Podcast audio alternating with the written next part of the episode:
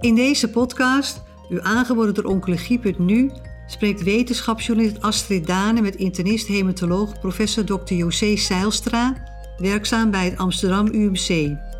Zij vertelt over de laatste ontwikkelingen op het gebied van Hodgkin-lymfoom, die werden gepresenteerd tijdens de virtuele 62e ASH Annual Meeting.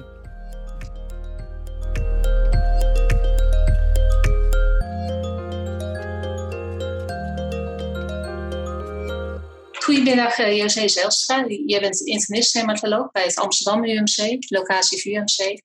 En jij hebt gekeken naar de presentaties uh, van de ASH Annual Meeting op het gebied van Hodgkin-lymfoom. Wat is jou daarbij opgevallen? Ja, er was weer veel uh, mooi nieuws op de ASH dit jaar, ook op het gebied van de Hodgkin-lymfoom. En een van de studies die ik interessant vond was een presentatie van Olivier Casanovas. een update van hun studie die zij in 2011 gestart zijn bij Advanced Stage Hodgkin-lymfoom. Dat is de AHL 2011-studie, die ook gepubliceerd is in de Lancet Oncology in 2019. En um, Olivier Casanovas um, um, vertoonde nu een langetermijns uh, update van deze studie, waarbij hij uh, niet alleen inging op de effectiviteit van de behandeling, maar met name ook op uh, de toxiciteit van zowel de standaardarm als de PET-gestuurde arm. En daar kwamen mooie data uit die, denk ik, van belang zijn, ook voor ons in de dagelijkse praktijk in Nederland. Um, en het unieke van deze studie is dat het een, een gerandomiseerde fase 3-studie was, waarbij de standaardarm uh, BICOP escalated was voor deze groep patiënten. En de standaardarm was zes kuren BICOP escalated. Um, en uh, in de experimentele arm werd er uh, PET gestuurd um, behandeld. En werd na twee kuren BICOP escalated een PET-scan gemaakt. En patiënten die een negatieve PET-scan hadden, die gingen vervolgens door nog met vier kuren ABVD. Uh, in plaats van vier kuren BICOP. De PET-positieve patiënten na twee kuren daarentegen kregen gewoon, zoals in de standaardarm, vier kuren BICOP er nog bij. En uh, die uh, um, analyse is afgerond um, in 2017 primair. En de um, data cut-off voor deze langetermijnsanalyse was tot april 2019. En waarbij ze met name ook gekeken hebben naar de fertiliteit van deze patiënten. Want dat is natuurlijk een van de grote nadelen van BICOP Escalated. Dat het um, uh, de fertiliteit van zowel mannen als vrouwen ernstig beschadigt. En het goede nieuws was dat patiënten die na twee kuren BICOP escalated PET negatief waren en verder gingen met uh, de ABVD, dat die patiënten weliswaar um, uh, nog wel uh, subfertiel waren. Dus dat het niet zo was dat dat helemaal geen schade had gegeven, maar dat zij toch zagen in de groepen die de PET gestuurde arm hadden, dat er um, een beter herstel was van met name bij de mannen met de oligospermie. En uh, dat er ook meer zwangerschappen in uh, die uh, PET-gestuurde arm waren. Namelijk 17% van de deelnemers rapporteerden een zwangerschap ten opzichte van 12% van de deelnemers in de standaardarm. Uh, en als het gaat om uh, de um, vrouwen, uh, dan was er um, bij de patiënten die de experimentele arm kregen, dus na ABVD, een vermindering van de um, vijfjaars risico op prematuur ovarieel falen. dus dat gaf in ieder geval een verhoogde kans op sowieso een spontane zwangerschap. Hoewel ze daar dus geen hele expliciete gegevens over hebben verstrekt. Uh, dus um, uh, PET gestuurd behandelen uh, is een, een, goede zaak. Um, en patiënten die na twee kuren PET negatief zijn, kunnen dus doorbehandeld worden met nog vier kuren BICOP escalated. Um, en ook het aantal patiënten wat een secundaire maligniteit kreeg, was in beide armen laag. 3,2% in de standaardarm en 2,2% in de experimentele arm. Maar dus ook een gering verschil ten gunste van de experimentele arm. Dus dat zijn denk ik uh, mooie langetermijns uh, data, waarbij ik denk ik nog wel een kanttekening wil plaatsen. En dat is uh, dat de standaardarm in deze studie um, zes kuren op escalated was. Dat was destijds ook zo, ook niet alleen voor de Franse groepen, maar ook voor de German Hodgkin Study Group. Maar inmiddels is natuurlijk de um, HD18 gepubliceerd. Um, en in deze, uit deze studie weten we dat patiënten die na twee kuren negatief zijn, ook heel goed doorbehandeld kunnen worden met nog maar twee kuren piek op. Dus inmiddels is de, de PET-gestuurde arm, um, zouden wij niet meer nog uh, zes, zouden wij in ieder geval niet standaard zes kuren geven, maar voor uh, eh, 75% van de patiënten die een negatieve PET heeft, dat is natuurlijk het overgrote gedeelte, die hebben met uh, aan vier kuren genoeg. Ja, en dan ben je met drie maanden behandeling klaar. En dat is natuurlijk toch wel een verschil met eerst zes weken biek op en dan nog vier maanden ABVD. Dus het hele behandelregime ook in die experimentele arm, uh, is dan toch een heel erg uh, stuk langer ten opzichte van de huidige standaard. Dus uh, deze data zijn heel interessant en ook belangwekkend, denk ik, ook voor ons. Waarbij je natuurlijk toch moet aangeven dat de standaardarm van toen al niet meer de standaardarm van nu is. dus dat je deze resultaten ook weer even in de huidige tijd moet plaatsen. En je ook zou kunnen zeggen, patiënten met een negatieve PET na twee kuren zijn dan ook met nog een keer zes weken piek op klaar in plaats van nog vier maanden ABVD. En dat is misschien toch ook wel een patiëntvriendelijker regime. Um, waarbij dan natuurlijk toch de vraag blijft als het gaat om uh, vermindering van fertiliteit. Dan zou je eigenlijk die vier keer BICOP willen vergelijken met twee keer BICOP plus vier kuren ABVD. En die vergelijking is niet gedaan. Dus um, daar kunnen we dan weer niet veel over zeggen. Maar um, dat petgestuurd behandelen gunstig is, dat uh, is in ieder geval uh, een belangrijk gegeven, ook uit deze studie weer. Ja. En zijn er ook ontwikkelingen in de recidief-refractaire setting? Ja, ook daar was, waren verschillende mooie presentaties. En eentje die ik wel even hier wil benoemen is een presentatie fase 2 studie van Alison um, Moscovic uit het Memorial Sloan Kettering. die um, hebben een studie gedaan, een fase 2 studie, bij uh, kleine fase 2 studie moet je zeggen, maar goed, bij patiënten met uh, recidief uh, refractair Hodgkin lymfoom, uh, waarbij zij zeggen, ja, veel patiënten krijgen tegenwoordig al brentuximab vedotin in de eerste arm, in ieder geval die mogelijkheid is er, ook in Nederland natuurlijk, met ABVD plus uh, brentuximab vedotin.